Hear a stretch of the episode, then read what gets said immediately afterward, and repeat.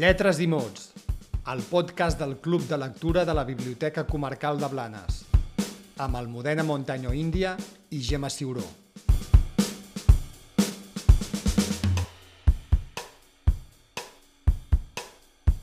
Molt bon dia. Al capítol de Lletres i Mots d'avui parlarem de l'escriptora Maria Antònia Oliver i del seu llibre Estudi en Lila.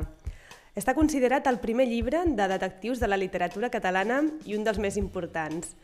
D'altra banda, destacarem que l'autora ha estat guardonada amb el Premi d'Honor de les Lletres Catalanes i la Creu de Sant Jordi, a més de molts altres premis literaris. Com sempre, al podcast del Club de Lectura de la Biblioteca Comarcal de Blanes comentarem l'obra amb la seva directora, Gemma Ciuró. Gemma, què tal? Bon dia. Bon dia, Almudena. Doncs comencem parlant de, de l'autora. La Maria Antònia Oliver va néixer a Manacor l'any 1946 i va morir el 10 de febrer del 2022. Ha escrit novel·la, assaig, teatre, contes, guions i ha fet traduccions. Es va casar amb l'escriptor Jaume Fuster, amb qui va compartir vida i també literatura. Què més podem afegir, Gemma, de la Maria Antònia Oliver? Doncs que és una de les grans de, de la literatura catalana, és el que vam dir ahir en el Club de Lectura. Um, bé, ens, ens ha transportat en aquesta literatura de, de la Barcelona dels anys 70-80 i que bé, tots els premis que has dit que té, jo crec que el premi més gran és aquesta gran quantitat d'obra que ens ha deixat, que n'hi ha mm, de tots gustos i per tots gustos, no? Eh, doncs això, novel·la, assaig, teatre, guions, eh, poesia, narrativa, eh, més tirant cap a la rondalla, en fi, és una, és una autora, va ser una autora molt prolífica, i jo m'atreviria a dir que bastant avançada al seu temps. Sí, és, eh, la seva narrativa és diversa, com dèiem, i dona un protagonisme especial a la dona. Una de les seves produccions més destacades és dins del camp de la novel·la negra, en què produeix la sèrie aquesta de la detectiva mallorquina que es trasllada a Barcelona, la Lònia Guiu, i que tem toca temes de crítica social. Què destacaries de l'argument d'aquesta novel·la Estudi en Lila, que és la que tractarem avui? És una novel·la avançada al seu temps, uh, després també diré per què. Uh, comença, és un argument d'entrada senzill, però que sí que uh, té una forta càrrega social. Mm, tinc, jo vaig estableixo un paral·lelisme que ahir el vaig dir a la tertúlia, que és una cosa com meva, no? entre la vida de la Lònia Guiu, que és aquesta detectiva que crea la Maria Antònia Oliver en aquesta primera novel·la d'aquesta trilogia, que és Estudiant Lila, que després hi haurà Les Antípodes i El sol que fa l'ànec, que són les tres novel·les detectivesques que la protagonista és la Lònia Guiu, que ens fa pensar una mica amb aquest Arsène Lupin, no? de, de d'aquests de, detectius que donen mm, eh, joc per fer una sèrie de, de novel·les. No? Eh, aquesta, aquest paral·lelisme que dic entre la vida de la Lònia Guiu i la Maria Antònia Oliver, doncs a mi em ve al cap perquè la Maria Antònia Oliver doncs, en algun moment deixa Mallorca, neix a Mallorca, deixa Mallorca, ve a Barcelona, i la Lònia Guiu fa el mateix, no? A, no ve a Barcelona a escriure llibres com va fer la Maria Antònia Oliver, però sí que ve a Barcelona a buscar-se la vida i aquest buscar-se la vida comença sent així una mica eh, com una mica desorganitzat, no? ella crea una agència de detectius com podia haver creat alguna altra cosa, eh, de fet el seu ajudant és un noi que coneix el, el gimnàs, en Quim, que després doncs, crea una relació d'amistat important i a més és un, de les, és un dels puntals de, de la novel·la perquè va sortint i és com un ajudant que té eh, en tota la trama i bé, doncs crea aquesta agència de, de, de, de detectius i ara els hi arriben paral·lelament dos casos, que són els que són dues trames, que són els que ompliran l'argument de la novel·la, que són dues trames diferenciades. D'una banda hi ha la desaparició d'una nena mallorquina, la Sebastiana, una nena va, va, una noia mallorquina, la Sebastiana, i després, eh, d'altra banda, hi ha un, el cas d'un robatori que els hi arriba eh, de la senyora Gaudí, que és una senyora doncs, que té una botiga d'antiquaris, no? d'objectes antics eh, i d'obres d'art. Llavors, aquests dos casos el, li arriben a la Lònia eh, així en el, en el mateix moment i comença a investigar-los els dos paral·lelament. Eh, d'entrada semblen dos casos que no tenen res a veure i de fet no tenen res, o sigui, no, en cap moment estan eh, eh, lligats amb, per, cap, per cap de les accions, però sí que mm, al final del llibre, i ara no desvelaré per què, perquè si no faria un spoiler i no quedaria bé, però sí que al final del llibre té molt de sentit eh, per què aquests dos casos, no? I el tema central del llibre doncs, és eh, la violació. Um, no explico més al final perquè si no doncs no quedarien ganes de llegir i és un llibre que jo recomano a tothom que llegeixi. Però sí que és cert que uh, la, la Maria Antònia Oliver es serveix d'aquests dos casos d'aquestes dues trames, d'aquests dos casos a, a investigar doncs per fer una crítica social ferotge a, a la violació de les dones i, i una mica doncs, si agafes la violació en aquella època no, doncs, eh, el, que ahir es va dir la tertúlia que hi havia el lema feminista d'aquella època, que el feminisme doncs, també ha anat evolucionant, eh, doncs que era eh, violació, castració. Sí, perquè dèiem que aquest, el tema de la violació està molt present en aquest llibre, parla de quatre violacions o intents de violació, no? I, i sobretot destacava no, l'autora la, que les violacions no van ni d'edats ni de diners. No? Vam comentar-ho a la tertúlia també, que qualsevol pot ser un violador independentment doncs, de l'estatus social, no?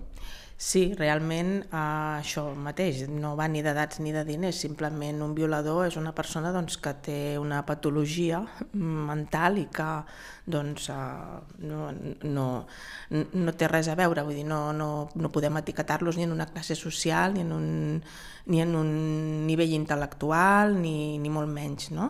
I llavors el que fa la Maria Antònia Oliver és fer una crítica d'això, no? I des d'un punt de vista feminista, ella era clar, clarament, marcadament feminista, i bé, ah, jo quan he dit que era avançada al seu temps és perquè eh, ara justament eh, està molt de moda el tema de tothom sap el que és un punt lila, no? eh, tots els ajuntaments tenen punts liles, eh, el punt lila doncs, és una cosa que és relativament eh, propera, o sigui, fa molt poc que, que funcionen, i ella doncs, ja fa un estudi amb Lila, un estudi en Lila que està publicat als anys 80, i realment mm, jo pensava per què estudien Lila? I just al final fins i tot fa referència no, ella en aquest, en aquest color no, que associa uh, en aquest feminisme i bé, doncs per això deia que era una, una autora doncs, avançada perquè en aquell moment, quan es va publicar aquesta novel·la, ningú parlava encara dels punts, i que tothom parlava de feminisme, evidentment, però ningú parlava dels punts liles. Sí, i lligat en aquestes violacions, la venjança també és un dels temes que surten en el llibre, no? la venjança com a manera de, de pal·liar o de, de tenir a veure amb les violacions que pateixen, no, les protagonistes? Sí, de fet, eh, les violacions, quan, quan les dues trames no n'hi ha cap que acabi satisfactòriament. Realment, quan una persona eh, és víctima d'una violació, realment eh, acaba malament, o sigui, no, és una cosa que crec que no es pot superar i, i realment doncs, ni la Sebastiana ho supera ni la, ni la senyora Gaudí ho supera. Mm, clar, no, no em facis dir el final de, de les dues trames. No, que després fem spoiler i, i no se'ns enfada els oients. Exacte, però realment són dos solucions, entre cometes, que no són solucions perquè realment és molt dramàtic el que passa, però que la, o sigui, la causa principal ha estat la violació i llavors doncs bé, és un llibre doncs, que tot i que té pinta de ser com molt fresc, molt superficial, doncs et fa, et fa pensar molt. I també posa una de les famílies que retraten aquest llibre, eh, una família molt tancada de l'illa, no? també potser es veu eh, aquesta manera d'idees antigues, no? que, que, que, que copsen no? La, un retrat d'una persona, d'una família, doncs, amb idees molt antigues, que xoca una mica amb les seves tan modernes. Sí, el fet de la família de la Sebastiana, que no admeten que, que la seva filla hagi estat violada i que hi hagi un embaràs d'aquesta fruit d'aquesta violació, això fa que, bueno, eh, sí, la Maria Antònia Oliver aquí té la, el pretext per fer la descripció, potser per mi un xic estereotipada de les persones de les, de, de les illes d'aquella època, no? Tampoc fa tant de temps i jo crec que aquí sí que per mi era una de les crítiques mm, per mi si hagués de criticar alguna cosa d'aquell llibre doncs seria això, no? Aquests pares que que venen a buscar la filla i com ella els retrata. No? Crec que és una mica abusiu, entre cometes, el tracte que els hi fa, perquè estem parlant dels anys 80, els anys 80, no sé, als anys 80 jo vaig estar a les illes no? i allà doncs, ja s'hi respirava un ambient una mica més liberal. Sí, sí que potser hi havia doncs, bueno, aquestes famílies tancades de pobles molt petits que mm, els hi costa, però jo crec que aquí ella, la Maria Antònia Oliver aquí, per mi eh, és una crítica a nivell personal i, i no sé, crec que aquí s'ha passat de frenada una mica amb l'estereotip tan marcat de, del caràcter d'aquests pares de la Sebastiana. Molt bé, i parlem ara de l'escriptura d'aquest llibre. Hi ha molta acció i poca descripció en general, però tota la que hi ha representa molt bé el que veu. No? Per exemple, quan descriu, vam comentar a la tertúlia l'escena al moll de Barcelona. Sí, justament. Una de les coses que fa gran l'escriptura de la Maria Antònia Oliver és justament això. Hi ha vegades que t'enfrontes a textos literaris que són molt descriptius i normalment, si no estan molt ben fetes, les descripcions llargues porten a l'avorriment. En aquest cas, la Maria Antònia Oliver ens posa al davant un llibre que és molt poc descriptiu, ha, és un llibre de moltíssima acció, hi ha diàlegs molt picats que van molt ràpid, hi ha molt poca part descriptiva, però en canvi fa que el lector es eh, vegi dins de, dels, dels escenaris que ella dibuixa, gairebé sense descripció, però no sé com ho fa que de cop tu et veus doncs, a, al mig de Barcelona, a, això, no? l'escena que, que l'Eloni està en el, en el moll fent la investigació, doncs eh, veus el moll, estàs tu en el moll no? de, de la fusta de Barcelona i, i bueno, doncs, està, està molt ben aconseguit, la veritat. De fet, fa un retrat de Barcelona magnífic, o sigui, d'algunes parts de Barcelona magnífiques, o sigui que sí, sí, està molt, en aquest sentit està molt ben aconseguit. I destaquem també el vocabulari, no? algunes paraules molt difícils, no? que s'havien de buscar al diccionari també. Sí, totalment. Uh, fa, és, és divertit aquest ús que fa ella del mallorquí, perquè um, aquest català de, de les illes, no? que doncs hi ha paraules que has de parar-te, buscar-nos al diccionari, però és un, és un exercici divertit, no? Perquè aquestes paraules que no tenen traducció, bueno, jo sóc molt amant de les paraules que no tenen traducció i de les paraules estranyes i de les expressions. És, un, és una novel·la plena, plena, plena, pleníssima d'expressions eh, mallorquines i, doncs a mi m'ha encantat de mm, parar i buscar i fins i tot hi ha alguna vegada que no ho hem trobat, o sigui, hi ha expressions que, que fins i tot ahir en vam repetir algunes a la, a la tertúlia i no, no vam ser capaços de saber. N'hi ha que sí, n'hi ha que jo no sabia, ni hi ha persones a la tertúlia perdó, molt, molt posades en això i que sabien les definicions de totes les paraules, o sigui que molt i molt bé. Doncs parlem ara dels personatges del llibre. Les dones són les grans protagonistes i els homes estan allà com de personatges molt secundaris, no? sense gaire importància. Ja ho fa expressament, no, l'autora? La, sí, ella fa servir, de fet, uh, ho fa com també paral·lelament, no? Uh, a la història que explica, les dones són les protagonistes i els personatges són mm, aquests personatges que estan com de figurants, que no tenen, o sigui, que són personatges que gairebé et passen desapercebut, els homes, no? Els, eh, són purs, eh, fins i tot algú en la tertúlia hi va dir que eren com falques, o sigui, és la falca mínima que necessita perquè la història continuï endavant però no tenen eh, importància els homes en aquesta novel·la. Tenen importància perquè són els violadors, però o sigui, és aquesta la importància que tenen, però els que l'ajuden a descobrir la trama són mers eh, puntals que això, no? com falques que ajuden, és la mínima falca que necessita la Maria Antònia Oliver per continuar el, el seu relat. I recomanaries el llibre, Gemma?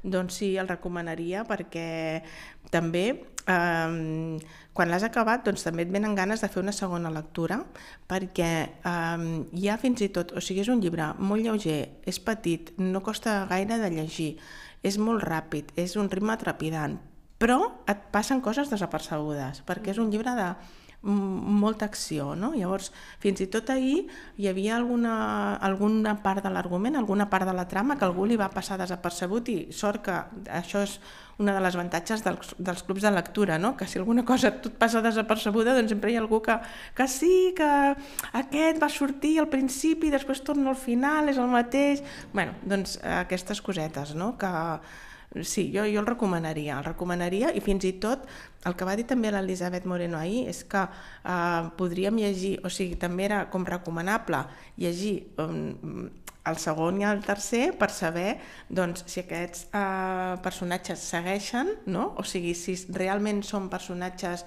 eh, eh, figurants o realment aquests personatges en, el, en la trilogia tenen, acaben tenint un pes. No? A nosaltres ens va semblar que els personatges masculins eren com, eh, com això, com, com figurants. Però jo sí, sí, sí que el recomanaria. Doncs a diferència de la seva obra, que sembla que els personatges masculins són figurants, a la seva vida sí que va haver-hi una persona molt important, no? que era el seu home, en Jaume Fuster, que un gran escriptor. Què podem dir també d'aquesta relació? Doncs eh, jo crec que aquesta relació amb ella li va marcar la vida també, perquè ella ve a Barcelona, coneix a Jaume Fuster i fin... és divertit imaginar com podia ser casa seva. Suposo que en algun lloc deu haver-hi algun documental de, de com era la casa de Jaume Fuster i Maria Antònia Oliver, perquè en aquella època que no hi havia dispositius electrònics per escriure, ni tablets, ni ordinadors portàtils, que tot es feia doncs, a mà o a màquina d'escriure. Jo m'imagino no ho he vist, eh, però m'imagino allò, un menjador ple de llibres, mmm, amb màquines d'escriure la seva i la de, o sigui, la seva i la del seu home, no? uh, Sense parar tot el dia de, en moviment, no?, la màquina. Clar, si un és prolífic, encara l'altre encara ho és més, i doncs aquestes, no sé, de, devien compartir lectures, o devien compartir trames, o devien, o una devia ajudar l'altra, o no, és, no sé, és, és un tema fins i tot per fer-ne una novel·la, no?, d'això, i crec que la va marcar molt perquè ella l'any 97-98 per mi van ser dos anys molt, molt importants a la seva vida, de fet eh, l'any 97 ella, ella eh, li fan un trasplantament de cor i això doncs a nivell psicològic crec que ha de passar molta factura perquè de fet estàs vivint amb el cor d'una altra persona no? i això doncs, mm, ha d'afectar i a més de la sotregada a nivell anímic i físic que, que pot comportar no? però és que immediatament després eh, al cap de pocs mesos l'any 98 va morir Jaume Fuster eh, llavors eh, això eh, doncs ella va morir l'any 2022, doncs són un munt d'anys que, que va passar sola, no? Quan va morir Jaume Fuster, ella va deixar d'escriure i deia una frase que a mi em va encantar, que vaig trobar quan buscava referències per preparar la, la tertúlia, deia que les paraules no li eren amigues, ho vaig trobar molt bonic perquè és una manera de dir no escric perquè no em surt res, no? però és una manera bonica de dir-ho. Les paraules no m'eren amigues, no? Que maco. És molt maco. I llavors, um, anys després es reconcilia amb la literatura, amb Tallats de Lluna, que reprèn aquesta novel·la que està començada cinc anys abans. Uh, després també um, coses a dir de d'ella mm, va fer també la novel·la que va recomanar l'Elisabet Moreno, Joana E, que és una història real, que és, jo no l'he llegit, però l'Elisabet va dir que era una, una novel·la fantàstica i, i bé, doncs eh, ella ens va deixar el 10 de febrer del 2022 i bueno, molt contents d'haver llegit aquesta novel·la i de, i de que hagi format part de la tertúlia Lletres i Mots. Volia dir que en el, hi ha una cosa que va sortir a la tertúlia bueno, van sortir mm, algunes cosetes que, que no he dit, que és uh, també el tema del, del, del feminisme també es reflecteix en el tràfic de dones filipines, que és un tema que també surt a, a, la, a, la trama, entremig, Um, també la carta que la Sebastiana fa als seus pares, que això també és una, és una de les parts de la novel·la poder més boniques, és una carta molt emotiva, plena de... és una carta per reflexionar-hi. També el tema de l'avortament, que és un tema que ella hi passa per sobre, però que de fet és un punt, és un punt important pel qual la Sebastiana pren la decisió que pren. I mm, també eh, el tema de, que fa servir ella, aquest, aquesta picada d'ullet que fa la Maria Antònia Oliver d'una manera molt intel·ligent, que és posar el tema de la... La, la Lònia Guiu té un pintallavis com a fetitxe, o sigui, és que el seu... ella col·lecciona pintallavis i cada vegada que està de baixón o que té algun problema o que necessita eh, donar-se estímul es compra un pintallavis, no? Mm. I crec que aquí la Maria Antònia Oliver el que fa és agafar eh, potser un dels símbols més femenins que és un pintallavis, no? o sigui, mm, que és com la contraposició a, a tot el feminisme que porta implícit la novel·la. Això és un, una de les coses que, que volia destacar. Després també les dues frases que a mi em van agradar més de la novel·la són les palmeres per obtenir cos i caràcter demanen molt de temps, com les persones, és una frase que vaig trobar molt bonica, i després eh, una altra frase era eh, la dels Er, uh, aquesta encara m'agrada més, els errors són més errors si t'hi cap fiques. Aquesta és una frase com d'autoajuda que crec que la faré servir bastant. I, i, Dues grans frases, sí, sí, sí. sí. I, I després també, quan hem parlat del vocabulari, eh, també destacaria aquesta, aquest ús que fa dels temps compostos que quan hi ha un participi el feminitza això, eh, per exemple, s'havia tornat a tancar, doncs ella diu s'havia tornada a tancar o ella havia vinguda, o sigui, fa el, femin, el femení dels, del participi. Això doncs, deu ser també mm, tret d'aquest català de, de les illes, del mallorquí, i, i bé, jo crec que mm, res més a dir, o sigui, una novel·la de les que, sí, de les que destacaríem que ha agradat a tothom en el club de lectura. Justament eh, eh, ho dèiem, ho hem dit algunes vegades, no? que quan un llibre agrada a tothom dona poc de sí en els clubs de lectura perquè de seguida tothom està d'acord, tothom eh, tothom l'havia llegit, tothom l'havia acabat o tothom va agradar i jo crec que sí que la gent potser farà l'exercici de llegir la segona part i la tercera part. Sí, doncs molt bé, aquest llibre ha agradat a tothom. I a veure el següent, perquè parlem del proper llibre del Club de Lectura, que serà Hamnet, de l'escriptora irlandesa Majo Farrell. És una història molt trista, però, Gemma, Aviam si veníem d'alguna història una mica complicada, ara aquest era més light, no?, la història, sí, més divertida, sí. i ara tornem una mica a una història trista. Sí, de fet, algú va dir en algun moment de la meva vida, he sentit a dir que les bones històries surten de pous, normalment, no? I realment... Eh, costa trobar una novel·la que sigui alegre, o sigui, que tots els temes siguin positius i que sigui molt bona novel·la. Normalment, darrere d'una bona novel·la sempre hi ha un problema greu, fort, o un argument pesant, o una, o una situació social complexa. Venim d'això, de del mes passat que vam fer el Velvet de la Toni Morrison, que és una història real de l'esclavatge, que és duríssima i cruel, Uh, ara, Estudiant Lila sembla que és un llibre doncs, més amè, més lleuger, més light, però realment quan t'hi poses i comences a valorar els temes que s'hi tracten, doncs la violació, l'avortament, uh, el suïcidi, el, el feminisme, són temes molt punyents i molt importants, no? Eh, i ara doncs, uh, tornem a enfrontar-nos amb un llibre doncs, molt, bastant dur, és trist, eh, no és un llibre de, que es pugui dir que és una història real, potser està com més novel·lat no? que, que el Vilobet, no? i bueno, potser no és tan, tan dur, però sí, sí, la Major Farrell aquí ens fa... Tenim un, un bon llibre, de fet eh, és un llibre molt, molt aclamat pel públic, per la crítica, tothom ha dit coses meravelloses d'aquest llibre, o sigui que espero que, als contertulians els agradi i que tinguem un bon club de lectura. A més a més, gairebé podíem fer un club de lectura a nivell de Catalunya, perquè crec que tothom està llegint el mateix llibre alhora, saps? És com, eh, a l'hora de demanar els exemplars ens hem trobat això, que hi havia molts clubs de lectura o que l'havien llegit o que estaven a punt, o sigui que ens hem posat com d'acord tots els conductors de clubs de lectura per posar aquest, de, aquest Hamlet de la Major Farrell, que segur que no ens deixarà indiferents.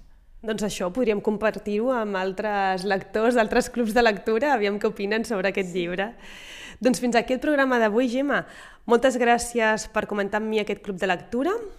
Gràcies a tu, com sempre, per donar-me l'oportunitat. I ens tornem a trobar el segon dijous de cada mes al podcast Lletres i Mots. El trobareu a les principals plataformes de distribució i també al blog de la Biblioteca Comarcal de Blanes, biblioteca.blanes.cat. Fins a la propera lectura. Que vagi bé. Gràcies, Almudena. Adeu. Lletres i mots, el podcast del Club de Lectura de la Biblioteca Comarcal de Blanes, amb Almudena Montaño Índia i Gemma Ciuró.